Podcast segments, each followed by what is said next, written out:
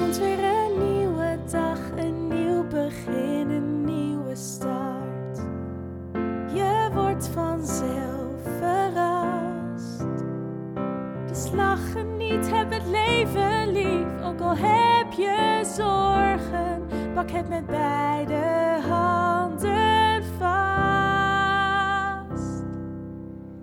Dit is de Alles is Liefde podcast.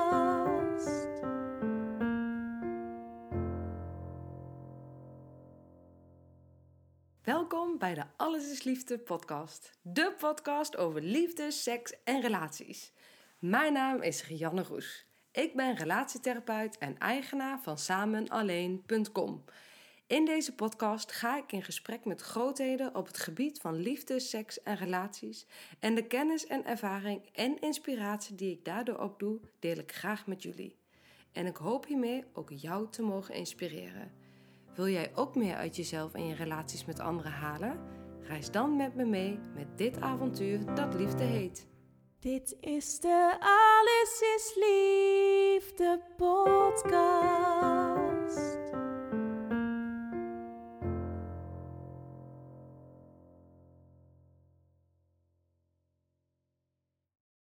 Welkom bij een nieuwe aflevering van de Alles is Liefde podcast.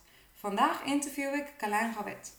Carlijn is 32 jaar en heeft een eigen advocatenkantoor in Lichtvoorde in de Achterhoek. Ze heeft zich gespecialiseerd in het personen- en familierecht. Ik ben erg benieuwd naar dit interview.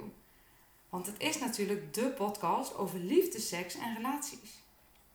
Maar helaas is het niet zo dat alle liefde stand houdt.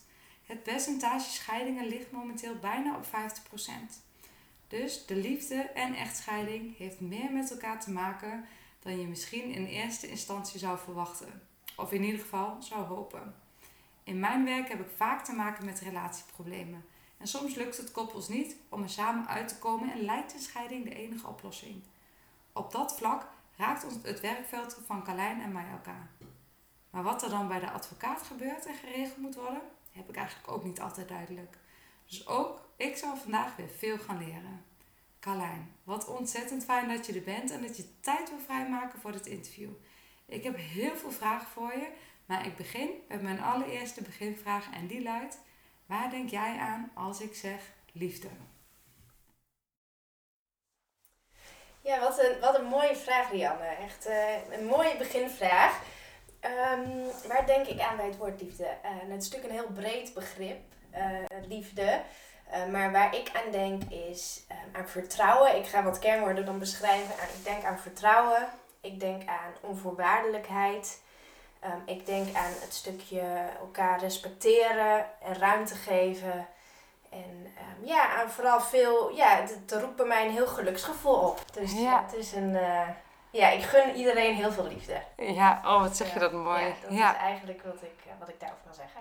Wat weet je daar ook al meteen zoveel over te zeggen? Als je het Ja. woord liefde is best wel abstract, hè? Want als mensen proberen dat woord te definiëren, kom je eigenlijk best wel snel in een, ja, in vage en clichématige beschrijvingen terecht. En ik vind dat Ja. je echt een mooie, eh, Ja, mooie associatie hebt met de liefde. ja nee, dit is ook echt wat ik daarbij bij voel. En nou ja, nogmaals, dat gun je, dat gun je iedereen. Omdat, omdat, en voor iedereen is het weer op zijn eigen manier voelt liefde.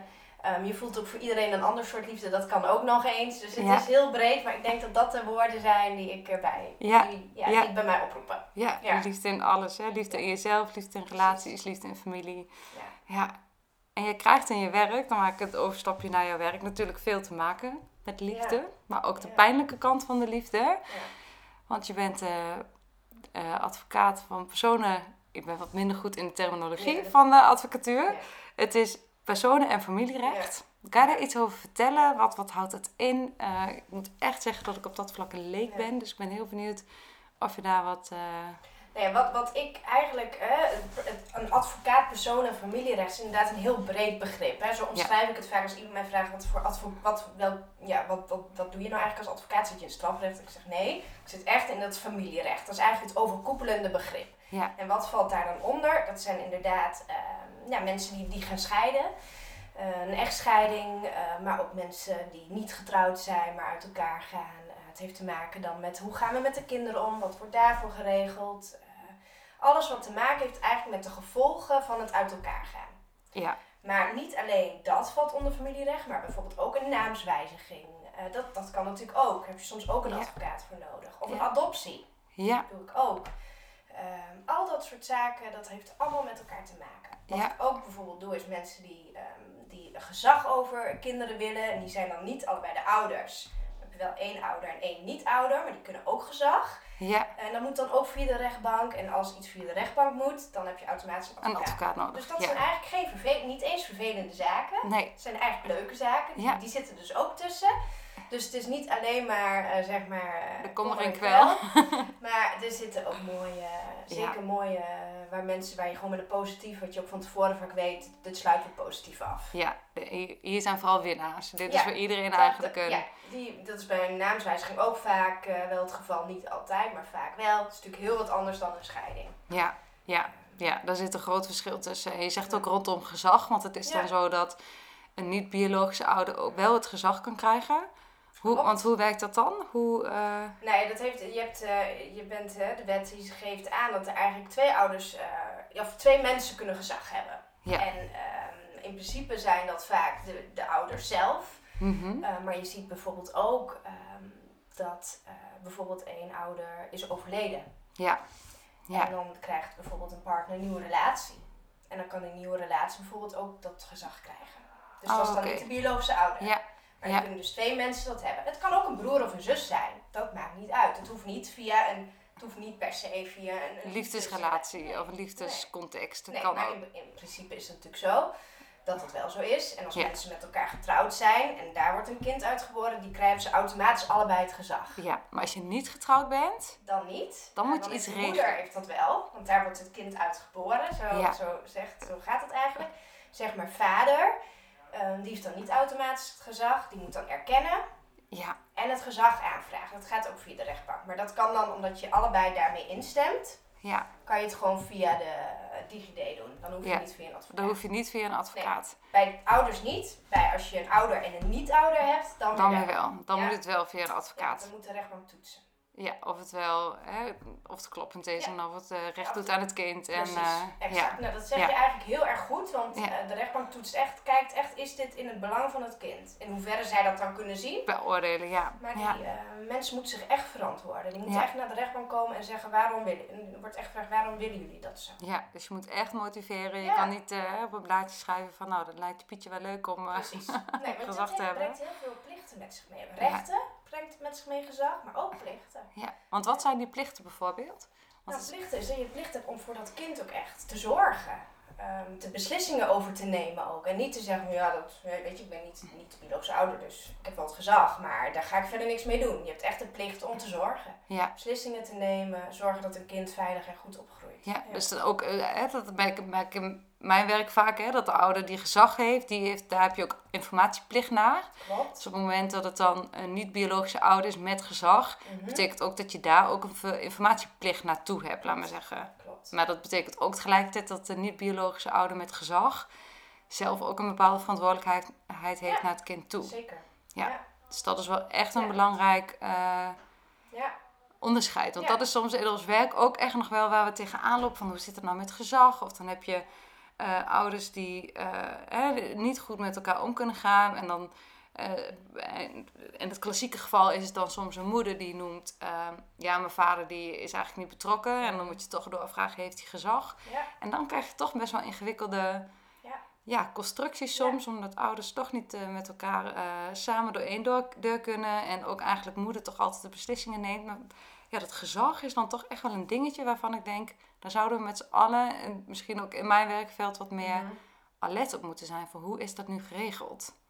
Ja, dat is, dat is wel heel belangrijk. En ik vind ook dat iedereen daar ook naar moet kijken. Ook scholen bijvoorbeeld. eh, ook kijken van, we hebben, zij hebben beide ouders ook gezag. Want beide, ze zijn verplicht de school om dan beide ouders ook te informeren. Ja, En dat gebeurt eh, niet altijd. Nee. Want je, een voorbeeld is dat moeder zegt tegen school, ja, maar je moet hem niks laten weten. ja, ja. Maar dat mag dus niet. Hè. Het gebeurt wel in de praktijk, maar Het gebeurt dat veel, denk ik. niet. Ja, ik denk dat het veel, gebeurt. Dat vooral de moeder wel geïnformeerd wordt en vader slechts. Ja, zijdelings Ja. of... of En dat, is echt, eh, dat wordt echt afgestraft hoor. Want Ja. dat, dat eh, vaders komen dan dus inderdaad bijvoorbeeld bij mij en die zeggen van eh, ja, ik word niet geïnformeerd. Nee, dan heb je Ja. natuurlijk gelijk een grond, een rechtsgrond om daar iets mee te doen. ja, en hoe, ga, hoe pak je dat aan? Want hè, komt het wel eens voor dat je ja, nou ja, dan heb, ga je dus met de school daarover in gesprek. Ehm, dat, ja, je verplicht eigenlijk de school, die krijgt dan een brief van het kan echt niet zo. En Ja. moet per direct ook worden geïnformeerd. En de vrouw zelf, moeder, wordt ook aangeschreven. ja, die moeten Dus ook echt wat in gaan doen. ja. Kijk, en als zij zegt van ja, maar dit is niet in belang van het kind dat vader ook nog het gezag heeft, dan kan zij natuurlijk vragen om het eenhoofdig gezag, heet dat dan. ja, Maar dat is een hele strenge toets. Omdat het uitgangspunt hè, van de wet is van dat beide ouders zijn gelijkwaardig. Dat is het uitgangspunt, gelijkwaardig ouderschap, dus ook beide het gezag. ja, Een eenhoofdig gezag, dat, dat is bijna, komt niet voor. Ehm, wordt bijna niet toegewezen, laat ik dat zo zeggen, door een rechtbank. Omdat ze gewoon heel belangrijk vinden dat een kind twee ouders heeft. hè. met gezag. Ja. Ja. Waar, eh, je- het is maar één keer heb ik het, is het mij eh, in die zin, ehm, heb ik daarin gelijk gekregen. Moeder wilde daarin het- alleen het gezag. Maar daar, daar moet je echt denken dat bijvoorbeeld vader niet wilde dat de kinderen naar een normale school gingen, regulier onderwijs. Die, vader wilde thuisonderwijs, moeder wilde gewoon onderwijs. Ja, Vader wilde geen medicijnen, moeder wel. Ja. En dan lig je zo ver uit elkaar qua opvattingen. ja. En toen heeft de rechter gezegd, dan moet ik een knoop doorhakken, want anders Ja. komen deze mensen nooit eruit. En staat het kind in het midden. Je voelt Precies. eigenlijk, hè, de mensen Ja. zien het niet, maar jij eh, Ja. eh, stelt twee uitersten op een lijn voor en ik zie meteen, oh ja, dat kind staat er middenin en aan beide kanten wordt aan het kind getrokken.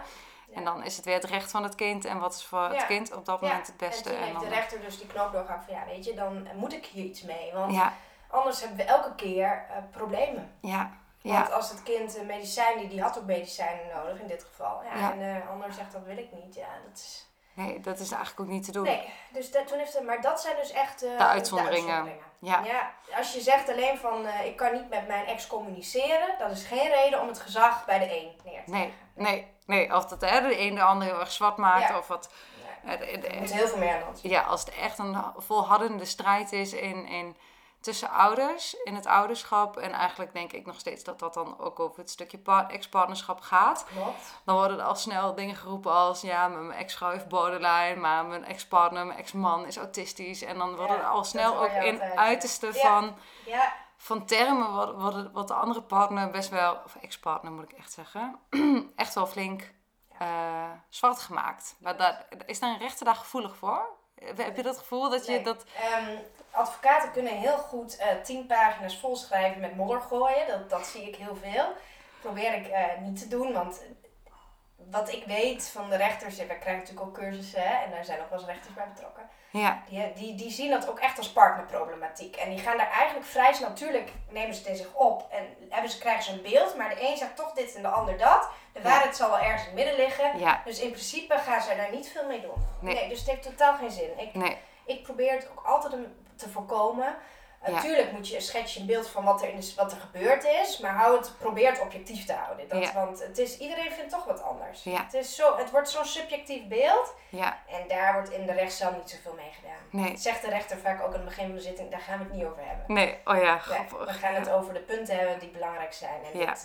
eh, Ja, over de dingen die er echt te doen. En dat is voor hoe het voor de kinderen eigenlijk, hè, dat is toch vaak eh, het uitgangspunt hoe het voor het kind eh, ja, goed ja, als er, ja, als er kinderen zijn. Ja. ja, dat is heel belangrijk. Ja, want eh, doe, doe je veel echtscheidingszaken? Is dat, is dat een beetje je core business? Of zijn het juist eh, toch andere zaken die je vooral Ja, het zijn tegenkomt? inderdaad veel, ehm, ja, veel scheidingen. En dan heb je een echtscheiding. Dat is echt, dat is, maar dat is ook terminologie hoor. Een Ja. echtscheiding is echt als je een huwelijk ontbindt. Hè, dus Mhm. dat heeft echt te maken met een huwelijk. Dan, dan spreek Ja. je over een echtscheiding. Als dat hè, dus moet worden ontbonden. Als mensen zeggen dat wil ik niet meer.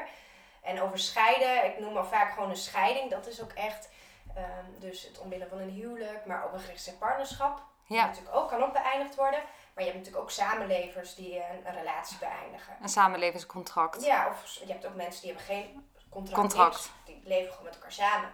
Oh, oké. Ja, Ehm, in principe Ja. hoeft dat, dat niet via een advocaat. Dat Nee. hoeft niet. Nee. Een echtscheiding wel. Want een huwelijk wordt via de rechter ontbonden. ja, Dus een partnerschap met kinderen wordt ook via de rechter ontbonden. ja, ja. Maar mensen die gewoon met elkaar samenleven, ofwel met een samenlevingsovereenkomst of niet, dat maakt niet zo uit. Dat hoeft niet via de rechter. Oké, maar jij als advocaat blijf, bent wel betrokken op het moment ja, dat... ook, want die hebben dan bijvoorbeeld wel een alimentatie. Volwassen kinderen tuurlijk. zijn, die moet ook berekend worden. Ja, Ehm, die ja. willen toch weten, wat is nou wat is een zorgregeling, wat is een ouderschapsplan. Ja. Ehm, dat, Ja. dat krijg je wel. Ja. Ja. Dus een echtscheiding, dat is eigenlijk echt een... dat dus bij een huwelijk. Ja, dat is echt bij een huwelijk op het moment dat mensen getrouwd zijn. Dus dat er een, eh, eh, of een gemeenschap van goederen is, of juist een, een Huwelijksvoorwaarden, eh, huwelijksvoorwaarden. Ja. Ja. dat is echt waar je als advocaat bij betrokken bent. Maar, en is het dan altijd zo dat, ehm, dat eh, de, de, beide ouders dan ieder een eigen advocaat hebben? Of zie je juist vaak dat jij eigenlijk met, met, met beide ouders probeert naar uit te Ja. komen? Nou, dat, dat hangt dus echt van de situatie af. Het is vaak de vraag, hoe komen mensen bij je? Ja. Ehm, je hebt inderdaad wel eens mensen die, die samen bij je komen en die zeggen, we hebben eigenlijk al een idee hoe wij ehm, deze scheiding willen afwikkelen. Nou, dat kan. En dan komen ze bij je en dan geef je wel aan van wat de rechten en plichten zijn. Ehm, En wat zijn die? Eh, nou ja, bijvoorbeeld ehm, een alimentatie. Hè? Dat, is natuurlijk een, dat, eh, dat zie je wel veel, partneralimentatie bijvoorbeeld. Ja. Dat is gewoon best wel een, een recht wat je hebt als je getrouwd bent of een geregistreerd partnerschap hebt. Ja. Partneralimentatie heb je dus weer niet als je gewoon met elkaar samenleeft. Nee. Ja. echt, Maar dus bij echt, geregistreerd partnerschap is dat ook zo? ja, dus een geregistreerd partnerschap is eigenlijk hetzelfde als een huwelijk. Qua rechtsgevolgen. Ja, oké. Ja. Dus als je dan partneralem... En dat is toch... Dat weet ik. Ik ben zelf getrouwd, dus we hebben het ooit opgesteld. Maar ik weet het even niet meer zo goed. Dat is toch dat een, degene met het meeste salaris... Dat die dan een deel van zijn... Ja, misschien moet jij het gewoon even uitleggen. Nou ja, speelt pas na, na de, na een bij een scheiding. Hè? Dat Ja. heb je niet als je getrouwd bent, heb je, dat, is dat niet aan de orde. Nee, nee. Dat is pas als je uit elkaar gaat. Ja. Dan kan dat. En dan is inderdaad degene die het eh, meest verdient, die kan mogelijk, mogelijk zeg ik ook, eh, aan de ander een alimentatie moeten betalen. Ja, Dat hangt ja. af van wat het inkomen is en dat wordt dus allemaal berekend. Ja, Maar dat is bijvoorbeeld een recht Een dat recht. je kan hebben. ja, Eh, een ander recht is bijvoorbeeld bij gemeente van goederen dat het verdeeld moet worden.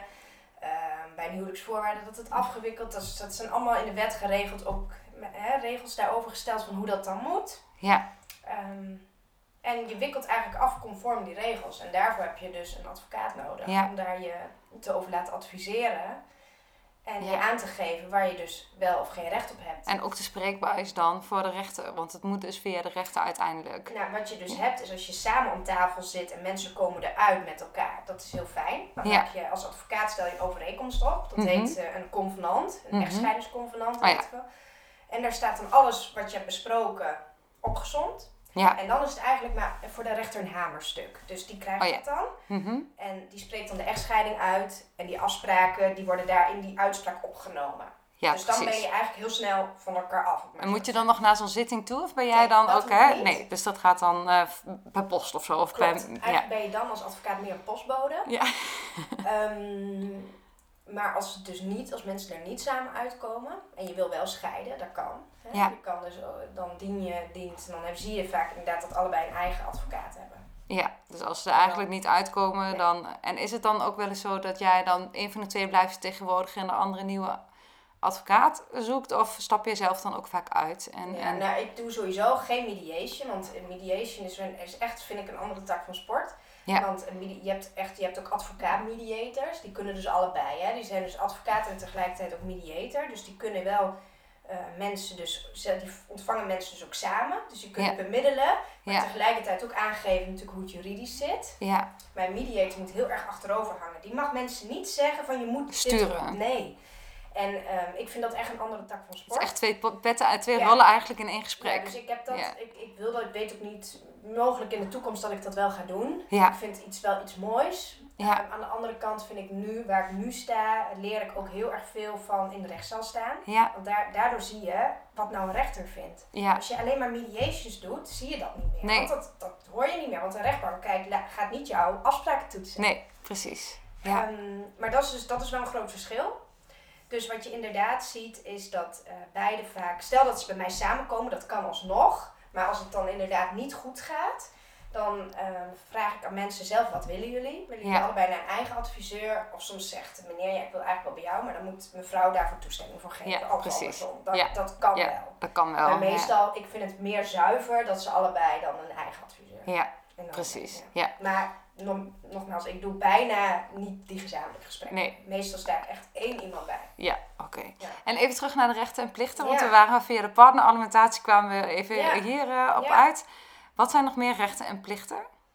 Eh, nou ja, als, je als er dus kinderen bij betrokken zijn, hè, dan heb je dus ehm, Eh, nee, het recht om daar goed voor te blijven zorgen, zorgen ook na een scheiding. Ja. Ehm, je hebt het recht op gezamenlijk gezag, dat loopt door na een scheiding. Ja. Dat zegt de wet ook heel duidelijk.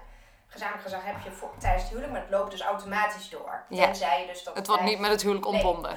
Dat gaat over kinderen en... en Ja. ja. Dus dat, ehm, nou, eh, je hebt natuurlijk een kinderalimentatie, moet berekend worden. Dat is ook een ja, recht, maar ook dus weer een plicht. Hè, Ja, van beide kanten. Ja, allebei, want het gaat naar evenredigheid. Hè, want Ja. beide ouders dragen beide kosten. Ja. Ja. Ehm, dat heb je. Nou, natuurlijk pensioenen komen er ook Oh ja, bij. Pensioenplichtingen. Ja. Heel veel financiële Ja, rechten en plichten eigenlijk. financiële rechten en Ja. Wat je natuurlijk ook hebt, je ziet ook, maar daar ga je heel diep juridisch op in hoor. Maar je hebt natuurlijk ook mensen die dan bijvoorbeeld huwelijksvoorwaarden hebben, maar wel een gezamenlijke woning hebben. Ja. Hè, dat kan. Ja. Maar dat een van beiden bijvoorbeeld met eigen vermogen meer heeft geïnvesteerd in dat huis. Oh ja. En dan, dat moet je dan ook. Dus dan heb je ook- Vereffenen. ja, dan moet je, heb je eigenlijk het recht om bijvoorbeeld dat de een daar nog eerst dat geld uitkrijgt. Dus een soort vergoedingsrecht. Ja. Dat zijn allemaal rechten, die zijn allemaal in de wet opgenomen. Ja, dus het is echt wel een hele, vooral financiële berekening Ja, die, eigenlijk eh, die gemaakt moet ja, worden over. grotendeels wel. Behalve Ja. eigenlijk voor de kinderen. Ja. Want dat is meer, eh, hoe ga je met elkaar om? Wat wordt de zorgregeling? Ja, Bij wie hebben de kinderen het hoofdverblijf? ja, ja, Maar de andere, eigenlijk de andere aspecten, zeg maar de partneramentatie mogelijk, dat is niet Ja. altijd de orde. De afwikkelingsvoorwaarden of verdeling gemeenschappelijk van goederen, ja, pensioenen, dat zijn eigenlijk allemaal inderdaad. eh, ja, bij de, ja. En is het ehm, ook een recht of een plicht, het is maar net hoe je het wil noemen, eh, dat er een ouderschapsplan komt? Ja, dat is een verplichting. Bij, ehm, in ieder geval ook, eh, dat zegt de wet ook, bij mensen die een verzoekschrift tot echtscheiding indienen. Hè, dus die zijn dus getrouwd of dus een gerichte partnerschap. Hè, dat is Ja. eigenlijk gelijk hè, qua rechtsgevolgen. Die zijn verplicht. De wet heeft die mensen verplicht gesteld om een ouderschapsplan in te dienen. Als Ja. ze dat willen. Als ze dus willen, Als ze dat willen. Die, dat, nee, als zij, een, als zij een echtscheiding willen, Mhm. Oh ja, ehm, of een ontbinding van een gerichte partnerschap en er zijn kinderen, dan moet er dus zo'n ouderschapsplan komen. ja, Nou, Ehm, wat je natuurlijk in de praktijk ziet, is dat dat niet altijd lukt. Want sommige mensen kunnen met elkaar gewoon niet meer door één deur. Die kunnen echt niet met elkaar zo'n handtekening Nee, onder. Dat nee. zie Of eh, eh, überhaupt een afspraak maken over... Precies. Dus gauw ze het ergens over eens zijn, dan kan dat eigenlijk niet, omdat Ja. ze in zo'n context van strijd verkeren met elkaar. En ja. dan heb je de rechtbanken denken daar een beetje verschillend over hier in Mhm. Nederland. Eh, de ene rechtbank zegt dan wel, ik neem de echtscheiding in behandeling. Want wat je dan als advocaat doet, dan ga je al die onderwerpen die eigenlijk in het ouderschapsplan moeten staan, die ga je dan aan de rechter voorleggen om een beslissing over te nemen. Oh, Want wat staat er in een ouderschapsplan? ja, staat één, waar hebben de kinderen het hoofdverblijf? ja, Wat wordt de zorgregeling? ja, Wat wordt de kinderalimentatie? En hoe gaan we elkaar informeren en consulteren? Dat vijf dingen moeten erin staan. ja. En als je daar dus niet uitkomt, moet je het aan de rechter voorleggen. Zo En die gaat dan uiteindelijk beslissen. Ja. Maar je hebt dus de ene rechtbank die zegt, dat, dat ga ik doen voor jullie. Als jullie. Ik zie dat jullie hebben geprobeerd, maar het lukt niet. Hebt ook rechtbanken, heb ik ook meegemaakt, die zeggen, die zien mijn stuk. En die zeggen, ja, maar er zit geen ouderschapsplan bij getekend. Dus eh, ik stuur die allemaal naar huis. En dat gaat het eerst zelf maar oplossen. Maar hoe dan? Ja, wat, dan wat, wat adviseer? Want soms, en dat maak ik natuurlijk ook mee in mijn werk, dat mensen het echt niet voor elkaar krijgen om hier afspraken over te maken. Dat het, Nee, dat En dan? lukt dus dan ook niet. Nee. En dan komen we twee maanden later zeggen tegen de rechter, ja, het is niet gelukt. Dus je moet gewoon een beslissing nemen. ja, Maar dat is wel heel vervelend, want dan zijn we al naar een zitting geweest met alle kosten. En dan word je naar huis gestuurd. Het is, eh, dat is, eh, is mij is wel eens voorgekomen. En, Ja. Maar soms lukt het dan dus, want dan worden mensen zo onder druk gezet. Lukt het soms wel. lukt het wel. Dus soms heeft het ook wel het beoogde effect. Ja, Want dat het is is- denk ik voor de rechter, tenminste kan ik me voorstellen, dat zo'n rechter eigenlijk vooral de intentie heeft dat mensen echt die verantwoordelijkheid gaan voelen. Dus dat ze ook met elkaar echt gaan denken, ja, verdomme, we moeten dit voor onze kinderen gewoon wel op papier krijgen. Dat ze een beetje de uitje gaan voelen. Ja, maar dat is precies Ja. exact wat de rechterlijke macht vindt. Ja. Wat jij nu zegt, dat precies, exact. Ja, Dus ergens is het ook wel heel goed. ja, Eh, die strenge toets. Ja. Aan de andere kant is het voor ons als advocaat soms wel frustrerend. Omdat je denkt, ja weet je, we hebben dat echt wel van tevoren al Ja, geprobeerd. Het is niet alsof we. zo Nee, het is niet alsof we dachten, oh leuk, weet je, we laten de rechter gewoon bepalen wat er met onze kinderen moet gebeuren. Dat is niet iets wat mensen op voorhand zich voornemen. Uiteindelijk wil elke ouder dat hij of zij iets kan vinden en kan zeggen over zijn kind wat goed is voor zijn of haar kind. Ja. En dat, ja, dat lukt dan gewoon niet altijd. En dat is wel, eh, wel spijtig, want dan zie je alweer eigenlijk dat het kind eh, ja, er heel erg tussenin staat in dat gevecht eh, tussen ouders. Ja. Ja. en dat zijn, hè, wat ik ook wel eerder heb gezegd, dat- dan zijn er echt verliezers. En Ja. dat is echt, dat is heel triest. Ja, En Ja. ik vind echt oprecht dat we als hulpverleners, en niet alleen advocatuur, maar iedereen die eromheen zit, daar echt een functie in heeft om dat zoveel mogelijk te beperken of te voorkomen. Want Ja, ja. ehm, ook als advocaten, die kunnen er heel veel aan voorkomen. Dat geloof ik echt. Ja, wat, waar, waar denk je dan bijvoorbeeld aan? Wat zou Nou, helpen? ehm, je hebt gewoon de plicht, vind ik, als advocaat om je cliënt ook een stukje op te voeden. Hè? Want je, dat je ook streng bent naar je eigen cliënt van, weet je, wat, wat, nu, wat nu gebeurt is niet goed. Nee, Eh, hou hem, hem of haar ook een spiegel voor. ja, In plaats van, ja. natuurlijk ben je partijdig, dat ben ik ook. Maar Ja. ehm, je mag best wel, en dat vind ik echt oprecht als het om kinderen gaat, eh, daar wat mee doen. ja. Er Dus, zijn zelfs advocaten die gaan zo ver en die zeggen tegen mensen, als jullie gaan vechten om de kinderen, dan onttrek ik mij. Dan Ja. ga ik je niet helpen. die Dan- zo eigenlijk voelen Ja. hoe, hoe, hoe dat eigenlijk voor kinderen een... eh, Precies. ja. Niet, eh, die, dat soort zaken doe ik niet meer. En Nee. dat vind ik ergens, snap ik dat wel. Ja, Dat ja. je dus zegt van, daar ga ik niet meer in, eh, ik ga daar geen strijd over voeren. Nee, ik wil daar niet onderdeel van zijn. Nee. Ik wil niet onderdeel worden van het gevecht wat er tussen Ja. jou... eh, Ja. En dan En zie, je, zie je het echt op de kinderen. Hè?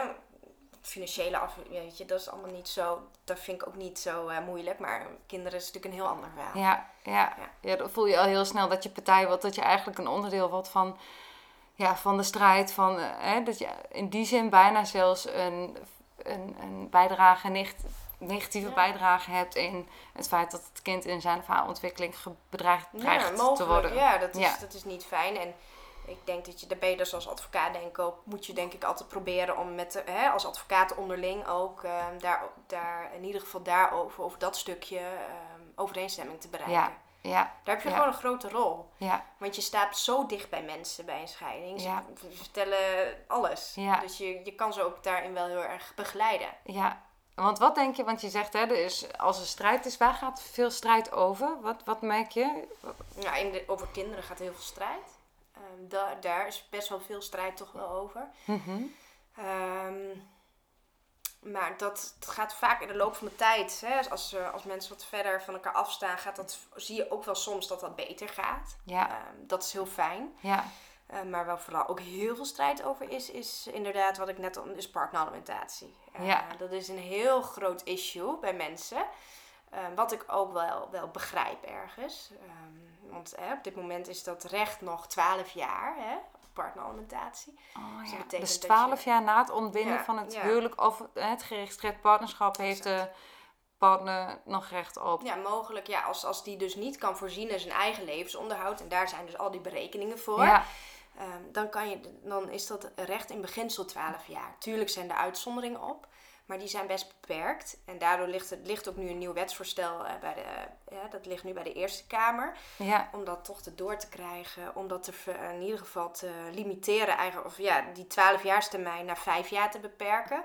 Ehm, dus die al wel te beperken. En dan zijn ook weer uitzonderingen overigens op. Want als er kinderen zijn, kan het ook wel weer jong, hele jonge kinderen ook weer meer worden. Maar ja, ja. om in beginsel die 12 jaar er een beetje af te krijgen. Want het zijn nog echt wel berekeningen. Want ik kan me inderdaad voorstellen Ja. dat, dat zo'n berekening gemaakt wordt. Maar dat een situatie, Ja. dat het over eh, na twee jaar ook compleet anders kan zijn. Dat misschien degene die partneralimentatie ontvangt, na twee jaar een nieuwe partner krijgt. Die, eh, waarvan ze hè, niks officieel op papier gaan zetten, maar die wel bijdraagt in het huishouden. Of die wel een mooie vakantie betaalt. En Ja. die dan eh, wat, ja. Eh, nou ja, eigenlijk weet je best veel, want dat soort zaken heb je, heb je ook. Ehm, in principe zegt de wet inderdaad, als jij gaat samenwonen met iemand anders als ware gehuwd, dus dan hoef je niet eens echt gehuwd met een ander te zijn, Mhm. of uh, geregistreerd partner of wat dan ook. Maar als je met iemand samenwoont als ware gehuwd, dat betekent inderdaad dat je een relatie moet hebben, echt een affectieve relatie. Ja. Dus niet met een broer of zus, Nee, affectief. Precies. En ook niet als huisgenoot, hè? De mensen die bijvoorbeeld in een woongemeenschap wonen, die... Dat geldt ook niet, Nee, maar echt nee. affectief. Ja. Ehm, dat heeft een aantal vereisten waar het aan moet voldoen. Dat je elkaar inderdaad verzorgt. Wat jij ook zegt, dat je wel bijdraagt ook in die kosten. Dat je op vakanties gaat, weet Ja. ik wat. Dat het een duurzame relatie is. Dus Ja. niet een losse vlodder een beetje. Nee, niet een one-night stand die toevallig blijft slapen. Nee. Dan...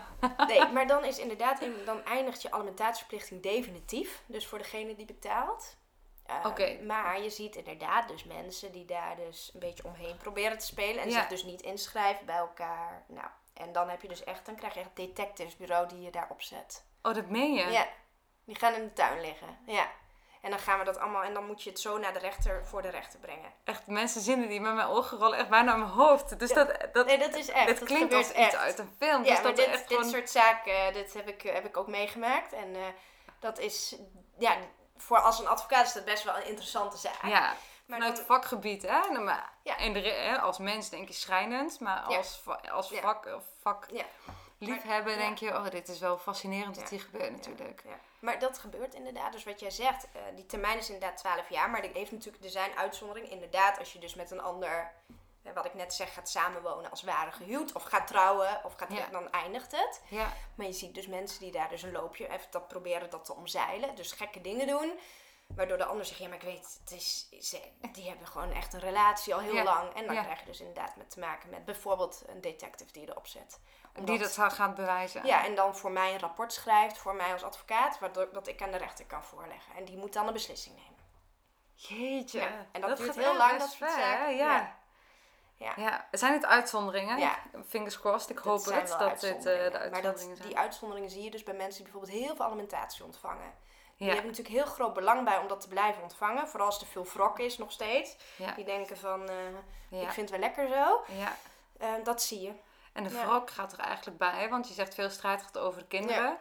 En dat is ook echt heel erg mijn eigen visie. Ik geloof ook heel veel, echt heel erg in dat heel veel wrok, wat, wat uitgespeeld wordt op het niveau van de kinderen, eigenlijk gaat over de pijn eh, uit het verlies van de relatie. Wat, wat je verloren bent in het huwelijk. En dat bedoel ik niet per se letterlijke dingen, maar wel een stukje houvast, een stukje toekomstperspectief. ehm, Ja. eh, een beeld over eh, van wie je dacht, zo zit ik in elkaar of zo zit mijn leven in elkaar. En ineens lijkt alles in elkaar te vallen. Dat is natuurlijk zo'n enorm Ja.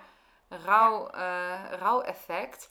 Dat ik wel denk dat het vaak over de kinderen gaat. Maar dat het, dat het veel meer te maken heeft met pijn uit, Klopt. uit alles wat verloren is gegaan. Wat, eh, Klopt. ja, En dat is heel erg waar. En je ziet vaak dat de een al verder is in dat rouwproces dan de ander. En Ja. dat, dat gaat dan dus, dat gaat wringen, hè? dat gaat botsen. Ehm, ze- mensen zijn dan wel gescheiden, maar de, eigenlijk, de ene is daar eigenlijk helemaal, staat daar helemaal niet achter. Die gaat dus alles doen ja, om maar met die ander in contact te blijven, tot procedures aan toe. ja. Ehm, Dus dus die angel, ja. die moet er eigenlijk eerst uit. Als die angel, dat zeg ik ook tegen mijn cliënten, er is, zit inderdaad een onderliggend iets, hè? Ja, die angel. Als die er niet uit wordt gehaald, dan zitten we elk jaar hier bij de rechtbank. Ja. Dat is echt waar. ja. Ja. Ja. want dat blijft dan. Want mensen gunnen elkaar dan niks meer nieuws. eh, blijven altijd op de hoede. Denken Ja. altijd als ik je ergens nog iets... ehm, ja, die voelen geen recht. Ze gaan niet scheiden. Nee, Ze blijven, hè, ze zijn, ze, met elkaar bezig. Ja, ze Ja. zijn misschien gescheiden voor de Ja. wet, maar uiteindelijk zijn ze, eh, doen ze nog precies hetzelfde. Nog steeds hetzelfde rondje, nog steeds hetzelfde dansje als toen ze getrouwd waren. Ja. Ja. En dat kan echt jaren, jaren Ja, voortduren. je kan altijd wel weer eens een ingang om een Ja. procedure te starten. Dus eigenlijk is het zo hè, dat als mensen maar blijven procederen, zo heet het toch? Ja. Als mensen maar blijven procederen, zou je eigenlijk kunnen zeggen: jullie zijn nog helemaal niet gescheiden. Nou, je kan in ieder geval wel zeggen van er is iets niet. eh, wa- wat, wat hangt hier nou aan ten grondslag? Waarom eh, lukt het niet om het in overleg te regelen? Tuurlijk, want situaties wijzigen. Ja. Bijvoorbeeld partneralimentatie is een heel mooi voorbeeld. Ja. Tuurlijk eh, kan ik me heel goed voorstellen dat de een denkt van ja, weet je, ik heb nu al zoveel jaar betaald. Ehm, ik zie ook zeg, ik noem dan even de vrouw, want die ontvangt toch vaak in de meeste gevallen nog de alimentatie. Ja, ja. En, eh, en dat een ander ziet van ja, maar ze, gaat veel, ze, heeft al, ze heeft verdient veel meer en ik blijf maar betalen. En ik ben ook verder met mijn leven, ik heb ook Ja. een nieuwe relatie. ja. Ehm, waarom regelen we dat er niet samen? Maar ik denk dat dat dus dan niet lukt, omdat er bij die ander mogelijk toch nog een bepaalde inderdaad ja, wrok zit. En, Ja. ehm, ja. ja, en dan, los kunnen laten. Of, nee, en dan is het verder, is dat, dat is heel triest. dan wordt het bijna pathologische rouw, hè, wat je wel eens ziet bij, bij hè, dat is even het eh, het psychologische stuk. Dat als je Mhm. iemand verliest die je zo dierbaar is, eh, eh, dat je dan ook heel erg in dat rouwstuk kan blijven zitten. Dat je niet gaat voelen, oh ja, ik mag dit achter me laten en Ja, ik mag door met mijn eigen ja. leven. Ja, dat, zou, Ja. dat, dat weet jij beter, maar dat zou best wel. Ja. dat, dat, daar, daar, zover ga ik natuurlijk Nee, nooit. nee. Maar nee. dat, ik geloof inderdaad wel dat er heel veel meer achter ligt. Want waarom kan je anders niet met elkaar om tafel en zeggen: Oké jongens, situatie is anders. Laten we dit nu gewoon goed oplossen voor de toekomst of voor dit moment. In plaats van dat we daar met elkaar niet eens over kunnen Nee, spreken. en vaak ook mensen die gewoon echt uit een duurzame relatie komen. Ja, die echt juist. hele mooie tijden hebben gehad Ja. met elkaar. En ineens elkaar het licht in de ogen niet meer gunnen. Dan, ja, dat is echt schrijnend om te zien. Ja, dat Ja. Is, vind ik ook echt eh, dat vind ik ook moeilijk. Vind ik ook triest. En dat is soms, eh, ja, dat is, dat is ook gewoon pijnlijk. Ja. Ja. Want, eh, Want ja. dat gaat, dan gaat het niet meer. Dan is er zoveel liefde, maar eigenlijk liefde kapot gegaan, waardoor Ja. er zoveel pijn en daardoor zoveel strijd moet, eh, moet komen. En als je, ehm eh, wat ze zei net, veel van de strijd gaat over de kinderen. En heb je tips of heb je ideeën? Nou, tips is een beetje een, een clichématig woord, maar ideeën over hoe, eh, hoe mensen beter uit die strijd kunnen blijven? Heb je daar. Nou, ik denk wel dat het ehm, mogelijk verstandig is om, als je inderdaad met elkaar in die strijd komt, dat je toch eh, allebei mogelijk toch een eigen adviseur in de hand neemt. Ja, Eh, want dan voelen mensen zich toch vaak meer gehoord. ja, Eh, Ja. En dan dat iemand toch voor belangen opkomt. En dat je dan samen, want dat doe ik vaak, doe ik graag, met de Ja. advocaat ook van de, van de andere ouder bijvoorbeeld, Ja. om tafel gaat zitten en dan kijken of dat in overleg lukt. En dat gaat eigenlijk best wel vaak goed. ja, Alleen ehm, mensen moeten wel hè, ook bereid zijn om tot een oplossing te komen. Ja, dat, en dat is waar we het net over hadden. Hè? Als je ergens een soort belang hebt in die strijd, hoe, hoe paradoxaal dat ook klinkt, hè? dat je een bepaalde vast, eh, vasthoudendheid in die strijd hebt, Ja.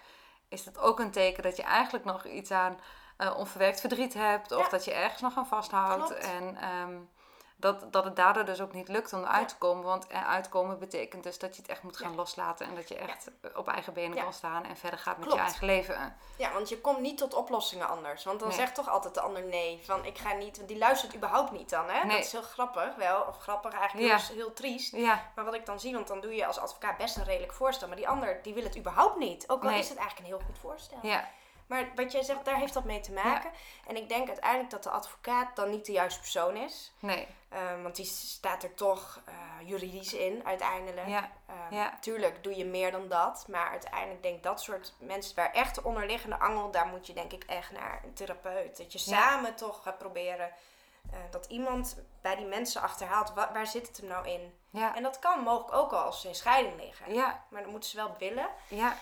Maar Het zou eigenlijk best wel mooi zijn hè, als de Ja, advocatuur en eh, de eh, therapie daarin gaat samenwerken en samen Ja. gaan optrekken. ja, Want ik hoor nu inderdaad zoveel nieuwe dingen al over het juridische vlak, over het financiële stukken, o- hè, over geld. Dat is natuurlijk echt wel geld, seks en schoonfamilie zijn volgens mij de grootste triggers eh, voor eh, huwelijken om over, over te vallen. Laat staan in het eh, regelen van het eh, ex-partnerschap.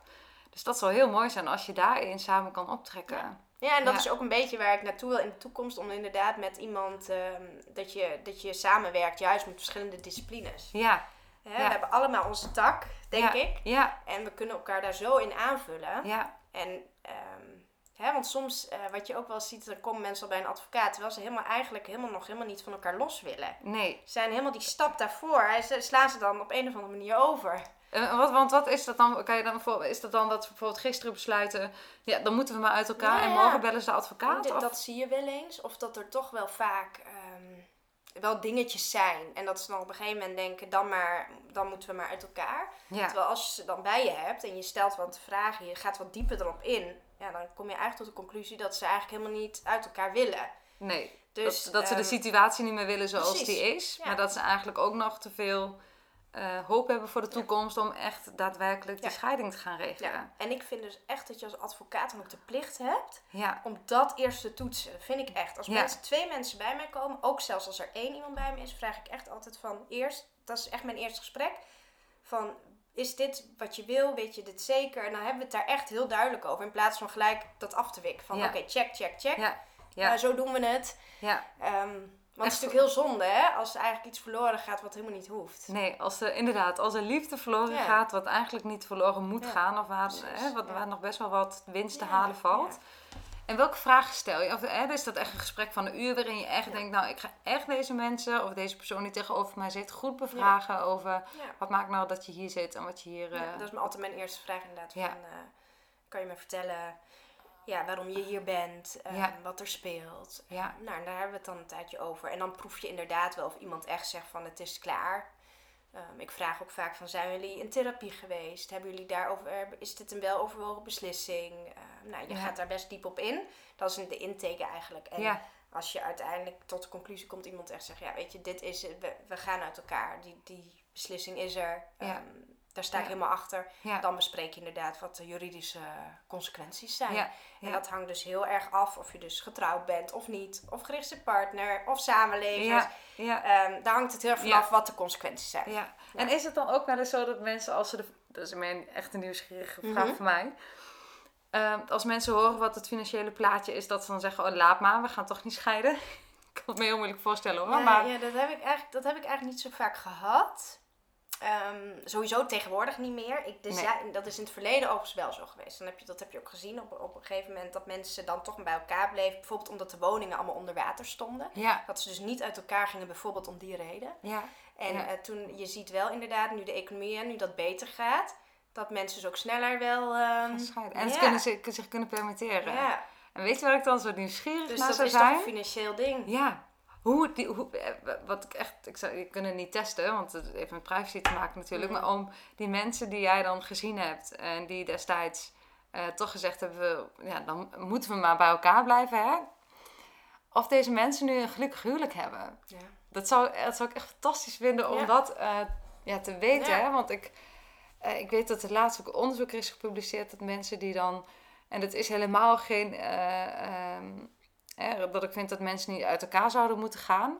Maar dat ik soms denk dat als je vijf jaar. Dat was een meting of zo over vijf jaar. En dat mensen die eh, vijf jaar geleden ongelukkig waren, eigenlijk.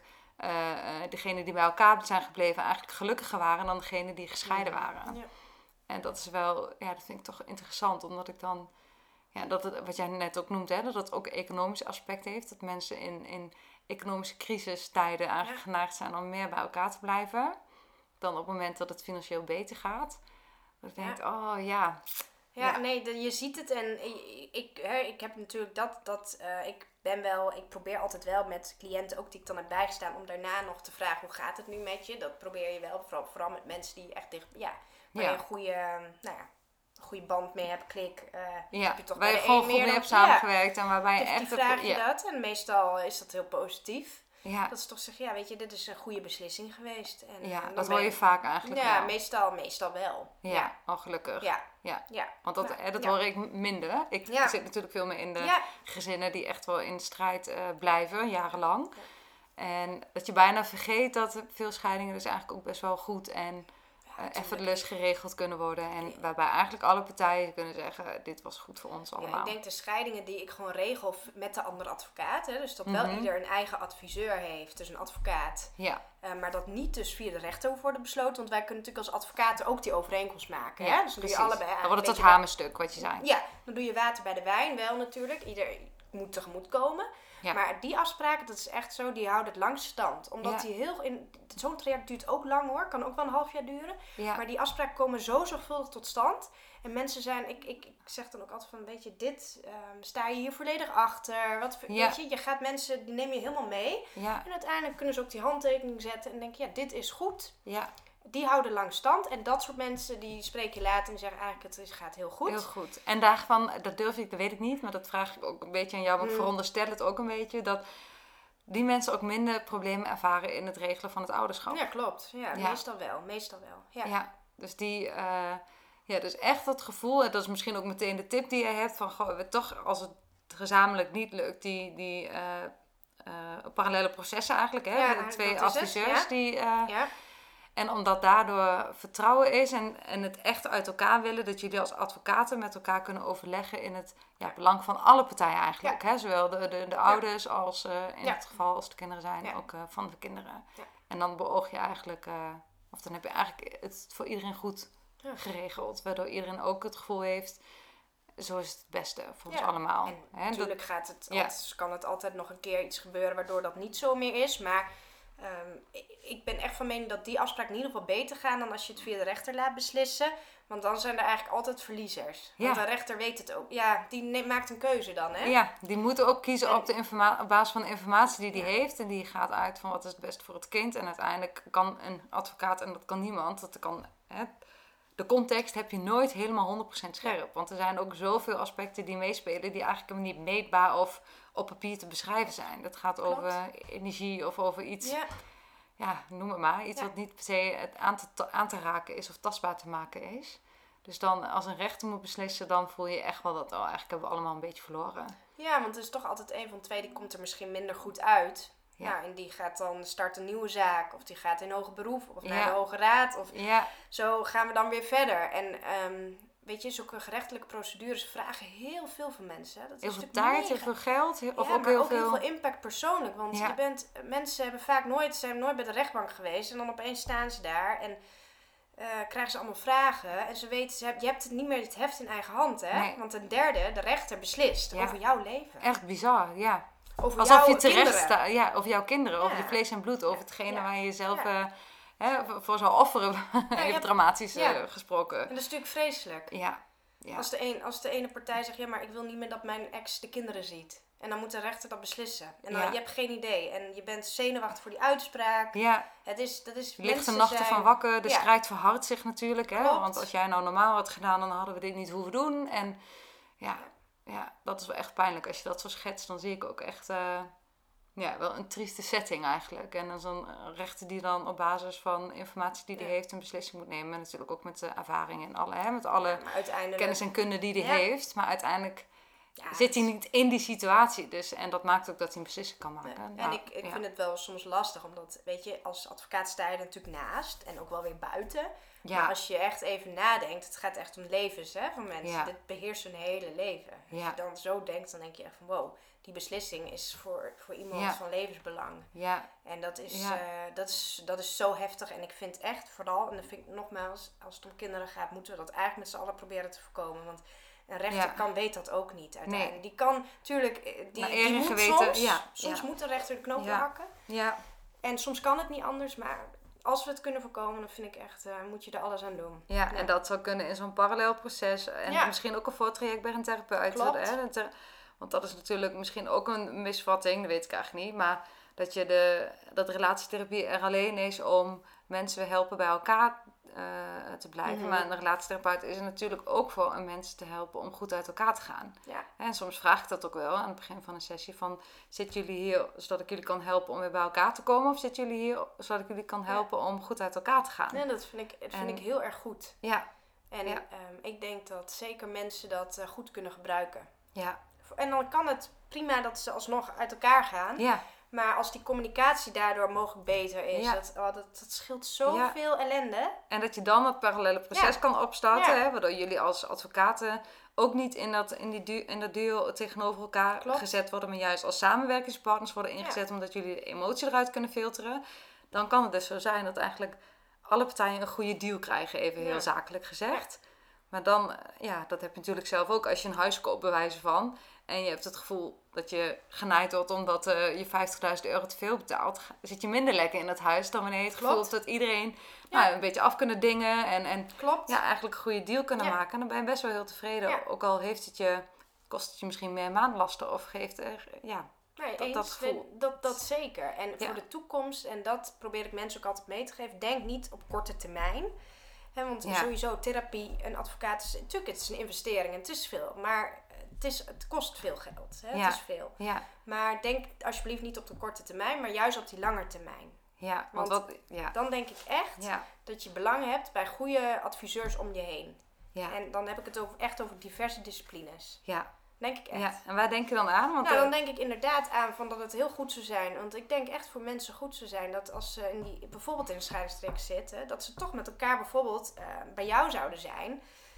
Ehm, zodat je ze kan helpen om wel op een normale manier met elkaar te communiceren en op Ja. een normaal vlak uit elkaar te gaan. ja, ja, Ehm, en kijk, de juridische gevolgen en de financiële, dat, dat eh, vaak eh, ga- loopt dat eigenlijk best wel soepel namelijk als die communicatie al beter is. ja. Als Dat er minder grappig. pijn in het, eh, in het Ja. ex-partnerschap zit. Ja. Ja, Ja, want uiteindelijk, ehm, weet je, vooral als er kinderen bij betrokken zijn, dat is, dat is niet meer zo heel juridisch ook, hè? Dat Nee. is, ik zie de kinderen ook niet, bijvoorbeeld. Nee. Dus nee, wat kan ik daar nou precies over vinden en zeggen? Ik hoor van één kant vaak hoe het moet, of Ja. wat diegene vindt. ja, precies. Je hoort en het. dan Ja, denk ik van, juist voor de kinderen, juist je blijft ouders. Hè, Ja. Want dat zeggen mensen ook altijd. Je kan wel van elkaar scheiden, maar als je kinderen hebt, je blijft ouders. Dus je zult met elkaar. je zult iets met elkaar moeten. Hè? Eh, je kan getrouwd zijn en eh, eh, dat is eigenlijk een minder, Ja. minder grote verbondenheid met elkaar dan op het moment dat je Ja. samen kinderen hebt. Ja. Ja, heel hard gezegd, maar je komt gewoon nooit meer van elkaar af. Je hebt altijd iets klopt. met elkaar te doen. En ehm, ja, dat, ja, je ziet gewoon heel vaak dat de strijd over de hoofden van de kinderen gaat. Terwijl, ja, ik zo zou hopen, dat hoop ik ook echt, dat, dat de volwassenen, de ouders met elkaar gaan eh, proberen er samen uit te komen. En ik denk ook, ik geloof ook echt dat de intentie er altijd is van mensen om het goed te regelen, maar dat ze soms ook zo overmand worden door stress en door pijn en door verdriet, dat, dat, ja, dat ze bijna in een vlucht of vecht of Ja. bevriesreactie komen, waardoor je echt denkt, Ja. dit, dit ben jij niet. Soms zie ik mensen echt zo boos worden, ik denk, nou, dit kan jij niet zijn. Zo, kun, je niet, zo kun je niet in elkaar zitten. Maar dat punt is denk ik precies ehm, wat zo belangrijk is. En waarom ze eigenlijk in dat proces van die scheiding alsnog ook bij jou zouden moeten zijn. Ja, Ehm, om die angel eruit te halen. Want dat kunnen advocaten uiteindelijk ook niet zo goed. Hè? Wij, zijn, wij zijn daar niet op getraind. Wij Nee. ehm, weten hoe we het juridisch doen. En natuurlijk probeer je het. En, maar echt, ik denk dat, echt, dat je echt daarvoor bij een specialist bent. ja,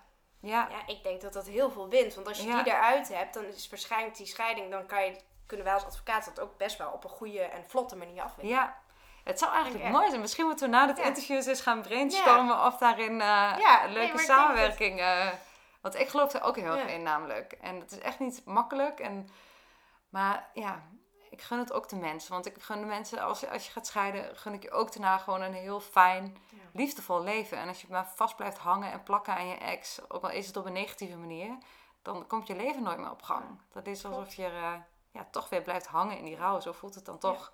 Hè, iemand die een partner is verloren door de dood, eh, die misschien niet wil verbinden aan een nieuwe liefde. Dat kan ook zijn omdat diegene eh, eh, ja, eigenlijk nog niet los kan laten. Ja. Ja. Of niet kan verwerken, Ja. of het niet onder ogen kan komen. Of die eigenlijk maar doorgaat in een overlevingsmechanisme zit en maar blijft vechten. Want dat is toch, het, gaat, het eindigt vaak in vechten. Ja. Als het moeilijk gaat, de scheiding. Ja. Ja. De- je ziet, je hebt als dat voorbeeld hè, van dat duwen. En hè, als je zo tegenover elkaar is, heb je vaak één iemand die gaat duwen en de ander trekt. Hè, en dat, Ja. als je dat continu tegen elkaar blijft doen, kom je natuurlijk geen stap verder. Nee, Dus je moet uiteindelijk allebei zijwaarts eigenlijk een stap zetten in plaats van tegenover ja, elkaar. als je door elkaar heen wil, dat gaat niet. Nee, Nee. exact. Ja, Dat is het eigenlijk, een stuk. ik heb inderdaad wel eens dat beeld van de tandem, gebruik ik ook wel eens in ja. gesprekken. Hè, dat als je met z'n tweeën op een tandem zit en de ene geeft heel veel gas en de ander gaat als reactie daarop remmen, dan Ja. blijf je eigenlijk gewoon Klopt. stilstaan en kom je Ja. en blijf je op, precies op het punt waar je, ja. Ja. waar je niet wil zijn eigenlijk. Want mensen gaan natuurlijk scheiden omdat ze iets anders willen. En niet meer op het eh, punt vast willen blijven waar, eh, waar ze zitten. En hoe zit het bijvoorbeeld als, eh, hè, dat als een cliënt bij jou komt en die, die zegt, ja, ik wil scheiden, maar mijn partner wil het niet. Nee. De- Kan, dat? Mag dat? Ja. Het- Ja, nee, de wet heeft inderdaad niet van dat als een van beiden niet wil, dan kan, kan het niet tegen worden gehouden. Dus, of zeg maar, als een van beiden niet wil, ja, dat is, dan, dat is, heel, dat is heel triest. ja, Maar het is dan niet zo dat zo'n echtscheiding niet kan. nee. Ehm, je, hebt, je hebt één partij, hè, die stelt dan, dat, zo heet het wettelijk, en je moet dan stellen dat het huwelijk duurzaam ontwricht is. Dat staat letterlijk in de wet. Dat, Du- eh, je moet stellen dat het Ja, huwelijk duurzaam, duurzaam ontwricht ontwricht. is. Ja, dat, is de, dat moet je bij de rechtbank aangeven. Dat is eigenlijk ook maar één zin. Dus wij, ik schrijf dan van... ehm, Dus ik zal met, van, van hem bij, bij jou Ja. komen en ik zeg, nou weet je, ik wil Ja. scheiden met mijn Ja. man. En eh, hij wil het niet. Ja, dan dien ik een verzoekschrift tot echtscheiding in. Als jij zeker weet dat je, je zegt, dat, gaat echt niet meer, dat moet ook zo snel mogelijk, dan dien je een verzoekschrift tot echtscheiding in. Eenzijdig, dus niet gemeenschappelijk, want Ja. dat kan dan niet. Nee, Eenzijdig, en dan ga je inderdaad, eh, geef je dus aan de rechtbank aan, eh, nou ja, het, het- eigenlijk gaat de zin gewoon zo, de vrouw vindt, eh, de vrouw is van mening dat het huwelijk van partijen duurzaam ontwricht is en verzoekt uw rechtbank de echtscheiding uit te spreken. Meer hoef je niet te doen. en Nee, dan? dus het is geen schuldvraag ook. Helemaal niks. Nee, en dan de rechtbank, dat is dus de echtscheiding zelf. Hè, dus de, de- Mhm. dat is ook een onderwerp van de scheiding. De echtscheiding zelf is ook een form, een formeel punt. is ook een hamerstuk.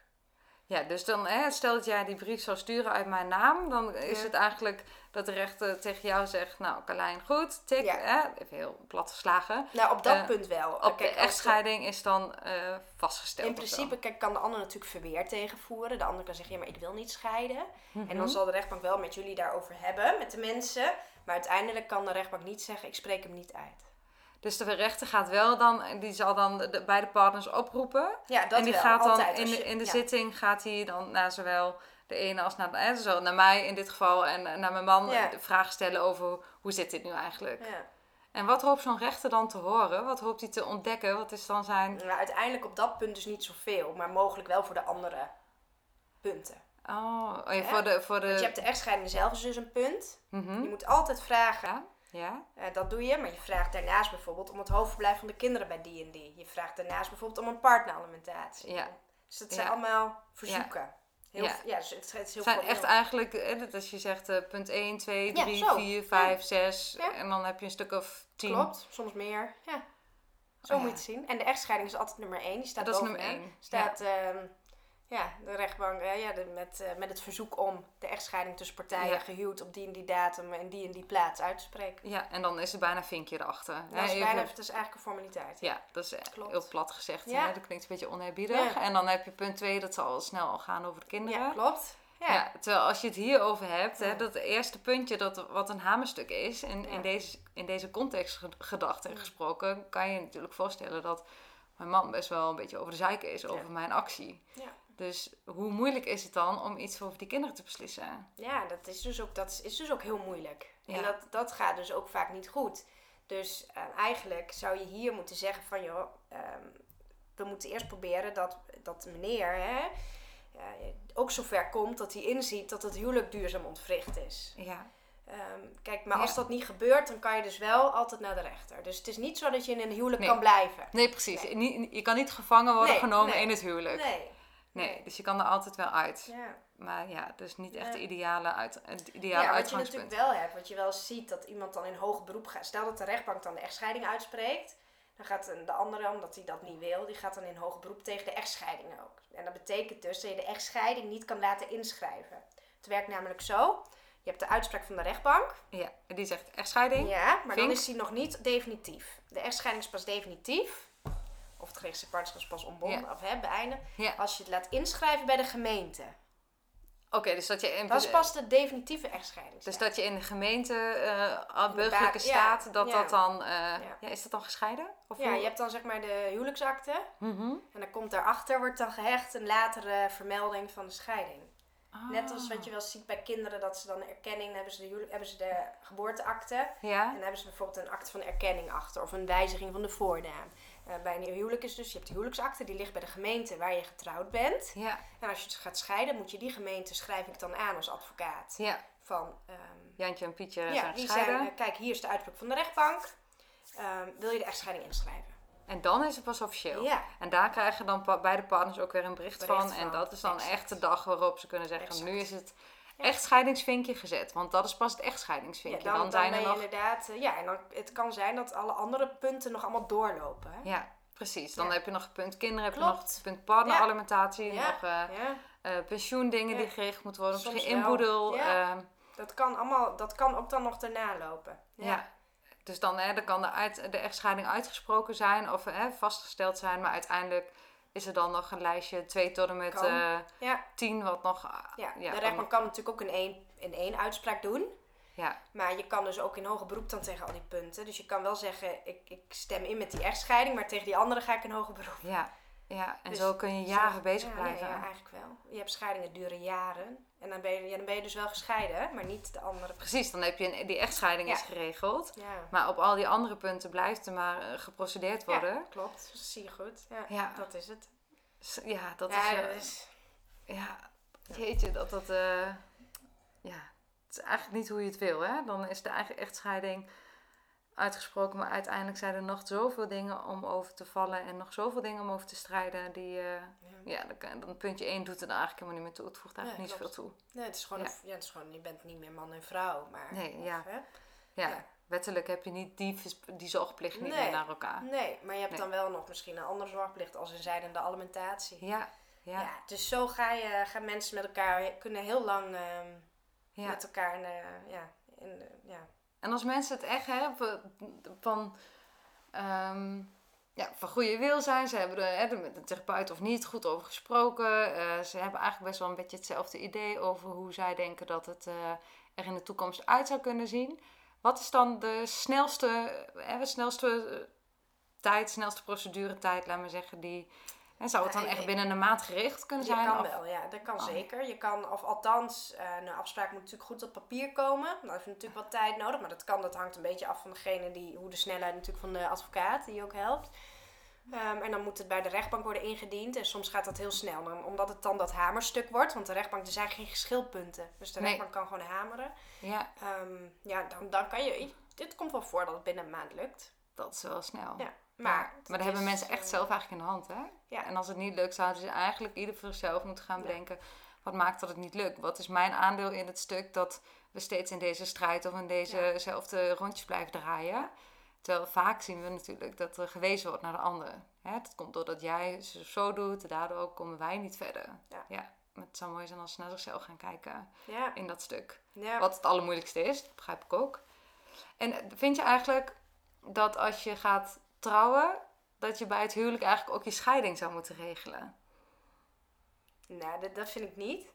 Eh, want ik denk dat het zijn echt twee verschillende dingen. Ja, Ik denk wel dat het goed is om wel vooraf, dat denk ik echt, na te denken.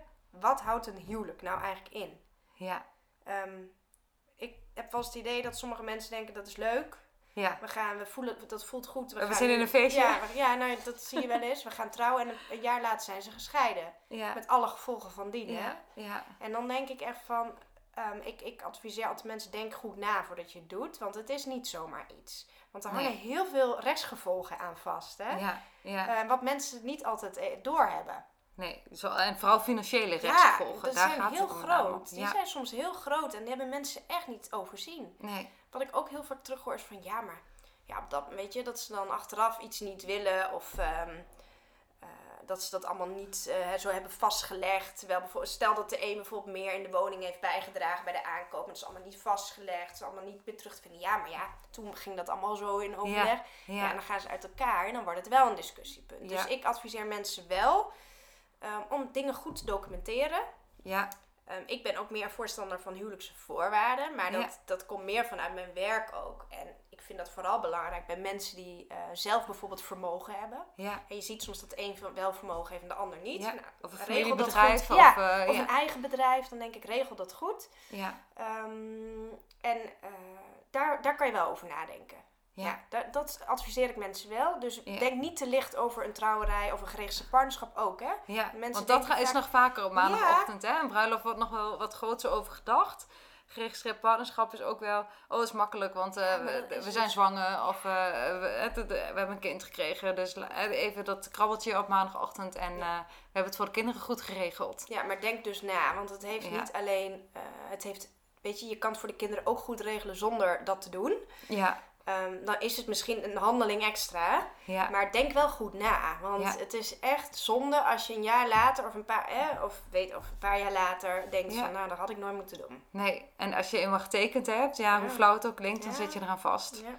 Ja, dus de huwelijkse voorwaarden, dat is... En daar, is dat ook iets wat je doet als advocaat? Dat mensen bijvoorbeeld zeggen, ja, ehm, we willen graag trouwen, maar we willen ook graag geadviseerd worden over de huwelijkse voorwaarden. En hoe kunnen we dat nu goed, eh, ja, wat kunnen we nou over afspreken en over vastleggen? Ja, in principe doet de notaris, die stelt Oh ja, ze op, hè. Ja. Eh, maar ik adviseer soms mensen wel, maar dat, is natuurlijk, dat brengt weer extra kosten mee, want de notaris kost natuurlijk ook al geld. Ja, Maar wat wij als advocaten wel goed kunnen doen, is mensen informeren van eh, wat zijn de regels die de notaris nu opschrijft voor jullie. ja, Wat hebben die nou voor gevolgen als het misgaat? Want Ja. dat zie ik natuurlijk wel. ja, En ja, dat is, hè, die notaris maakt vaak hele mooie actes in overleg. ja, Ehm, maar soms komen mensen dan alsnog, gaan ze uit elkaar en dan zeggen ze eigenlijk van ja, ik weet eigenlijk helemaal niet wat hiermee bedoeld wordt. nee, En, en dan zeg ik van ja, maar dit zit zo en zo. En dan zeggen ze, oh, maar dat hebben we nooit zo op die manier gedaan. bedoeld of zo. Of bedoeld. Ja, Ehm, dus het zou niet slecht zijn, denk ik, als je echt serieus ehm, daarmee bent, om Ja. dat wel te laten toetsen vooraf Ja. bij een advocaat. ja, ook. ja, dat doe je bij een advocaat. ja dat kan. Ik weet inderdaad nog zelf bij mijn eigen huwelijk dat we daar ook echt wel goed naar gekeken hebben over hoe, Ja. Hoe doe je dat nou. Ja. Hè? Dat ik dat echt het stomste stuk vond van het regelen Ja. van de bruiloft. Dat we op een gegeven moment echt een maand of twee maanden bezig waren met het opstellen van huwelijksvoorwaarden. Dat ik dacht, Mm. nou lekker romantisch is dit. Ja. Maar ja, en ik zou nu ook echt eigenlijk niet meer goed weten hoor, wat we precies hebben afgesproken. Maar, eh, en misschien, eh, ik hoop dat het nooit gebeurt, maar mochten we Nee. ooit gaan scheiden, dat ik ook wel denk, oh, hebben we dat destijds zo bedacht? Wat een slecht idee was dat. Ja, Het is ook zo moeilijk om in de toekomst te kijken. klopt, maar je kan ze altijd wijzigen. Oh het is, ja, je kan kan natuurlijk altijd laten wijzigen. Je moet je wel weer naar de notaris. Ja. Zo blijf je bezig. Hè? Ja. Maar wat zou, je Ehm, dat, wat zou dat helpend zijn? Hè? Ik ben nog helemaal niet zo lang getrouwd, maar dat je bijvoorbeeld elke vijf of elke tien jaar opnieuw de Ja. huwelijksvoorwaarden even ieder onder... geval, eh, ja zeker. Ik zou dat zeker doen. Vooral als je situatie wijzigt. Stel dat je bent inderdaad met een eigen, eigen onderneming. ja, Eh, dan denk ik inderdaad dat het best goed is om eens te kijken van hoe, wat hebben we eigenlijk daarover opgenomen. ja, ja, Hoe gaan we eigenlijk om met de kosten eh, van de huishouding? Daar staat ook altijd iets over in. Hoe zit dat met moet ik, hoe, hoe werkt dat nou? Hè? Moet ik kijken naar mijn winstentonderneming of waar moet ik rekenen, waar moet ik naar kijken? ja. Dat is natuurlijk heel anders voor mensen die in lonisch zijn, is vaak makkelijker dan mensen die ook een eigen, eigen, eigen, Eigen onderneming bedrijf hebben, ja. Dus ik Ja. vind dat zeker wel eh, raadzaam. Ja. En ook inderdaad, dat weet ik ook nog, hè, dat, eh, dat het dan als een van de ouders is overleden van, van een van de partners, dat dan bij een scheiding dan de ex-partner weer eh, eh, aanspraak kan maken op de erfenis van, van eh, een deel van de erfenis van, van, eh, ja, van, de, van het kind van de ouder is eh, Mhm. overleden. Dus er zijn echt wel dingen waar je goed over, ja. ja. over na moet denken. Ja, dus principe, huwelijksvoorwaarden, dat is eigenlijk wel, ja, ook eigenlijk misschien wel een stukje een tip om strijd te voorkomen. Niet te voorkomen als in, het gaat nooit gebeuren, maar wel iets waardoor je niet voor eh, hele grote verrassingen of nog grotere verrassingen te staan Ja. komt. Ja, je hebt wel, de wet is in, eh, een, een, eh, tijdje terug wel gewijzigd in die zin dat je niet meer die, die, die volledige gemeenschap van goederen hebt. Die bestaat eigenlijk niet meer. Nee, dit heet nu een beperkte gemeenschap van goederen. Ehm, dat betekent eigenlijk dat bijvoorbeeld, ze hebben, de wet heeft al gezegd, hè, bijvoorbeeld erfenissen. Die Oh, vallen sowieso bij de, bij de, bij de, hè, dus van de ene ouder bij, dan bij, de, bij degene Oh, die dat is. En het hoeft dan niet meer per se onder een uitsluitingsclausule. Dus dat hebben ze dan wel iets, eh, althans erfenissen ook die Ja. vooraf, voorafgaand aan het huwelijk eigenlijk binnen zijn gekomen. Ja, Hè? ja, Ehm, en bijvoorbeeld als iemand voor het huwelijk al een eigen woning had, dan valt dat ook niet meer in die Oh, gemeenschap. oké. Dus daar is wel al in de wet al iets in veranderd. Er is zeker, dus mensen denken nu, oh, dat is prima al geregeld. Dus die Maar gaan, dat is ook weer een dat is misvatting. ook weer niet zo, want het Ja. heeft natuurlijk weer heel veel haken in de ogen. En vooral bij mensen met een eigen onderneming moet je echt oppassen. Eh, Ja. Dus die moeten eigenlijk gewoon toch, denk ik, adviseer ik om toch naar de notaris te gaan en te laten toetsen. Notarissen zijn hier natuurlijk heel erg in gespecialiseerd. Die kennen die wet ook heel goed en hoe dat Ja. nou allemaal zit. Hoe dat precies in elkaar zit. Ja, en hoe ze het op moeten schrijven. Dus dat zou ik nog zeker, eh, Ja. als je, ehm, Ja, eh, kijk, als je gewoon een, ja, misschien niet een, gewoon een huis, eh huisje, boom, ja, huis daar, gewoon een keukenverhaal. Maar als Ja. er wat meer speelt ook, ehm, denk Ja. ik dat het goed is om toch, eh, en eigenlijk zou het sowieso goed zijn om heel even kort ja, denk ik wel. Ehm, even te laten toetsen. Ja. Hè? Dat je even die paar honderd euro. Ja. hè, de- want als er niet zoveel bijzonders aan de hand is, kan ik me voorstellen dat je met twee, drie uurtjes ook een heel eind bent. En dat je even die investering doet om ook het geruststellende gevoel te hebben. En ook bij het jaarwoord te kunnen denken: oh ja, weet je, we hebben het gewoon goed geregeld voor elkaar. En ja, in, de, Ja. in de context van het aangaan van het huwelijk Ja. is er vaak nog heel veel goodwill en heel veel. eh, Ja. ja. Wat ik dan wel adviseer, ook bij, vooral bij huwelijksvoorwaarden, eh, daar staat dus in hè, hoe mensen omgaan met ook wat er tijdens het huwelijk met de inkomsten. Ja, Om dan ook te kijken wat staat er nou en daar ook aan te houden. Hè? ja. Want als je dus niet aan houdt, dan werkt het ook allemaal weer anders als je dus uit elkaar gaat. dan Dus werd het het eigenlijk weer averecht. Ja, dat gaat dan niet helemaal goed. En dan komen mensen alsnog, dan denken ze, ja, maar ik heb toch huwelijksvoorwaarden, ik heb het goed geregeld. En dan denk ik, nee, want je hebt het niet, je hebt niet de huwelijksvoorwaarden nageleefd. Nee. Dan heb je nog een probleem. Dus Ja, ehm, het werkt dus, het is natuurlijk, ik, ik denk dat het zeker goed is om je te adviseren vooraf. Maar als je, maar als je dan dus ook zoiets laat opstellen, hou je eh, er dan hou- aan. Ja, hou- dat zou ik dan doen. Ja, Ik dit, zou, ja, dit- ik zou niet iets laten opstellen waar ik me volgens niet aan hou. Nee, maar het kan natuurlijk wel gedurende de Ja, tijd. nou, als je zeggen 20 mensen jaar altijd, getrouwd ja. bent en Ja. elke keer... Ja. Het is hetzelfde als je in een kringetje gaat staan en de een zegt een zin en die fluistert je in het oor van Ja. een ander. Wat Ja. je na 20 zinnen eruit krijgt, of na 20 mensen voor zin eruit krijgt, lijkt er niet mee eens op, op wat... Nee, dat klopt. Maar ja, dat, Ja. dat is zeker. En ik, ik snap ook heel goed dat dat zo gaat. Ja, Alleen. die update is gewoon echt wel belangrijk, even tussendoor. Ja, hou het gewoon, weet je, anders heeft, als jij ze laat opstellen en je handelt er niet naar, heeft het dus totaal geen zin, hè? Dus, Nee, dan is het wel weggegooid geld. Ja, dus ehm, ik vind, maar ik vind ja. als je dus die, die keuze maakt, we gaan die huwelijksvoorwaarden opstellen, eh, bedenk dan ook echt goed, snap ik nou ook echt wat daar staat? Anders moet je het de notaris ook eens vragen, wat bedoel je hier Ja, nou mee? je hebt een Janneke taal Ja, graag. alsjeblieft. ja, en die, die moeten ook dat heel zorgvuldig eh, opschrijven wat mensen willen. Hè? Ja. Dus ehm, Ja, ja. heel belangrijk. Heel belangrijk. Nou, dat is en wel... hetzelfde geldt voor een samenlevingsovereenkomst. Is Ja. eigenlijk hetzelfde ook. toch? Ja, het is natuurlijk geen uh, huwelijksvoor, het is geen huwelijk, maar wel ook hoe je dingen wil regelen met je partner. Ja. Dat doe je in de samenlevingsovereenkomst. Ja, ja, precies. Dus daar komen eigenlijk wel weer dezelfde Je zet onderwerpen wel een handtekening, hè? dus ik vind echt eh, dat je moet weten waarvoor je tekent. Ja, je ik moet niet eerlijk snapt- bekennen, die samenlevingsovereenkomst heb ik ook vrij makkelijk mijn krabbel omgezet hoor. Ja? Ja. Maar goed, dat is ook alweer een tijd Ja. geleden. Maar, Maar die eh, geldt toch niet meer? Nee, die geldt niet meer. Inmiddels is het een huwelijk. Ja. Maar uh, Ja.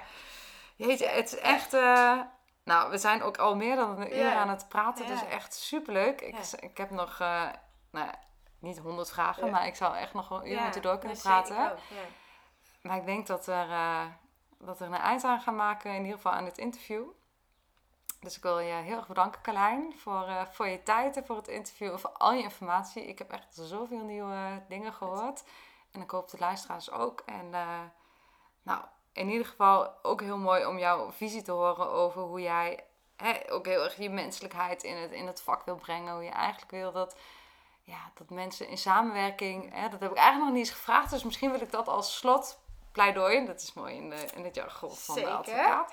Eh, misschien dat je nog iets kan vertellen over je, eh, als je een pleidooi zou moeten houden over hoe, ja, wat, is je, wat is je visie, wat is je missie, als je het eens zou mogen samenvatten. Wat zou je wensen? Wat, wat, ja, zo'n- Nou, in, in mijn ideale wereld dan eigenlijk, hè, dan zou ik Ja. inderdaad wensen ehm, dat de advocaat, advocatuur eigenlijk een, eh, een meer vriendelijker gezicht krijgt. ja, Eh, meer, ehm, uiteindelijk zijn wij ook mensen. En, het is een zakelijk beroep, maar er speelt zoveel meer daarnaast. Er zit zoveel meer achter. En ik denk dat je als jij het een meer vriendelijk gezicht, een menselijker gezicht kan geven ook, dat je veel meer kan bereiken ook. Ja. Eh, ook tussen advocaten onderling. ja, Ehm, Ja. Dus dat we, wat ik eigenlijk probeer, dat probeer ik zelf in ieder geval te doen, om soms een stapje terug te zetten of opzij. Om van een afstand te kijken, ook naar je eigen gedrag van waar ben ik mee bezig. Ja, En hoe kunnen we nou proberen om niet zo tegenover elkaar te staan, ook als advocaten, maar juist hoe gaan we dat voor deze mensen oplossen, Ja. zodat zij verder kunnen. ja. Dus ehm, veel, te helpen Ja. mensen uit de strijd te komen in plaats van mee te doen in de strijd. Ja, en dat is niet altijd ehm, te voorkomen. Maar ik Nee. geloof wel, ook al heb je de strijd, dan nog heb je een keuze. Hoe je die strijd voert. Ja, zeker. Dat denk ik echt. Ja, ja, Ehm, dus dat. Plus daarnaast, daar hebben we het ook over gehad, denk ik dat het heel goed is dat er samenwerkingen gaat komen. En dat minder mensen op hun eigen eilandje functioneren. Maar dat we veel meer met elkaar gaan samenwerken. Ja. Verschillende disciplines. ja, Ehm, dat we naar elkaar gaan doorverwijzen. ja, Dat we weten wat je aan elkaar hebt. ja, En dat je bij iedere zaak, bij ieder dossier eigenlijk, bij, bij mensen zelf kijkt van wat hebben zij nou nodig. ja. Ja, dat is echt en daar kan ik echt alleen maar heel erg bij aansluiten. Omdat, wat ik al in het begin ook noemde, de advocatuur is maar echt een wereld die ver van me afstaat. Terwijl het eigenlijk te gek is, want ik heb er bijna dagelijks mee te maken. En zal, ik, daar gaan we echt nog over praten, dat weet ik zeker. Dat het misschien echt wel een, een nou ja, dat we daarin lekker out of the box gaan denken en Exact. onze ambities gaan eh, najagen. En wie weet eh, dat we daarin wat voor elkaar kunnen gaan betekenen. Nou, nu gaan we echt afronden, Carlijn. Echt super bedankt voor je interview en eh, voor je tijd. En ik vond het heel erg leuk om eh, te doen. Ja, heel erg dank voor de uitnodiging. Ja, en heel gedaan. erg bedankt. Ja, dank je.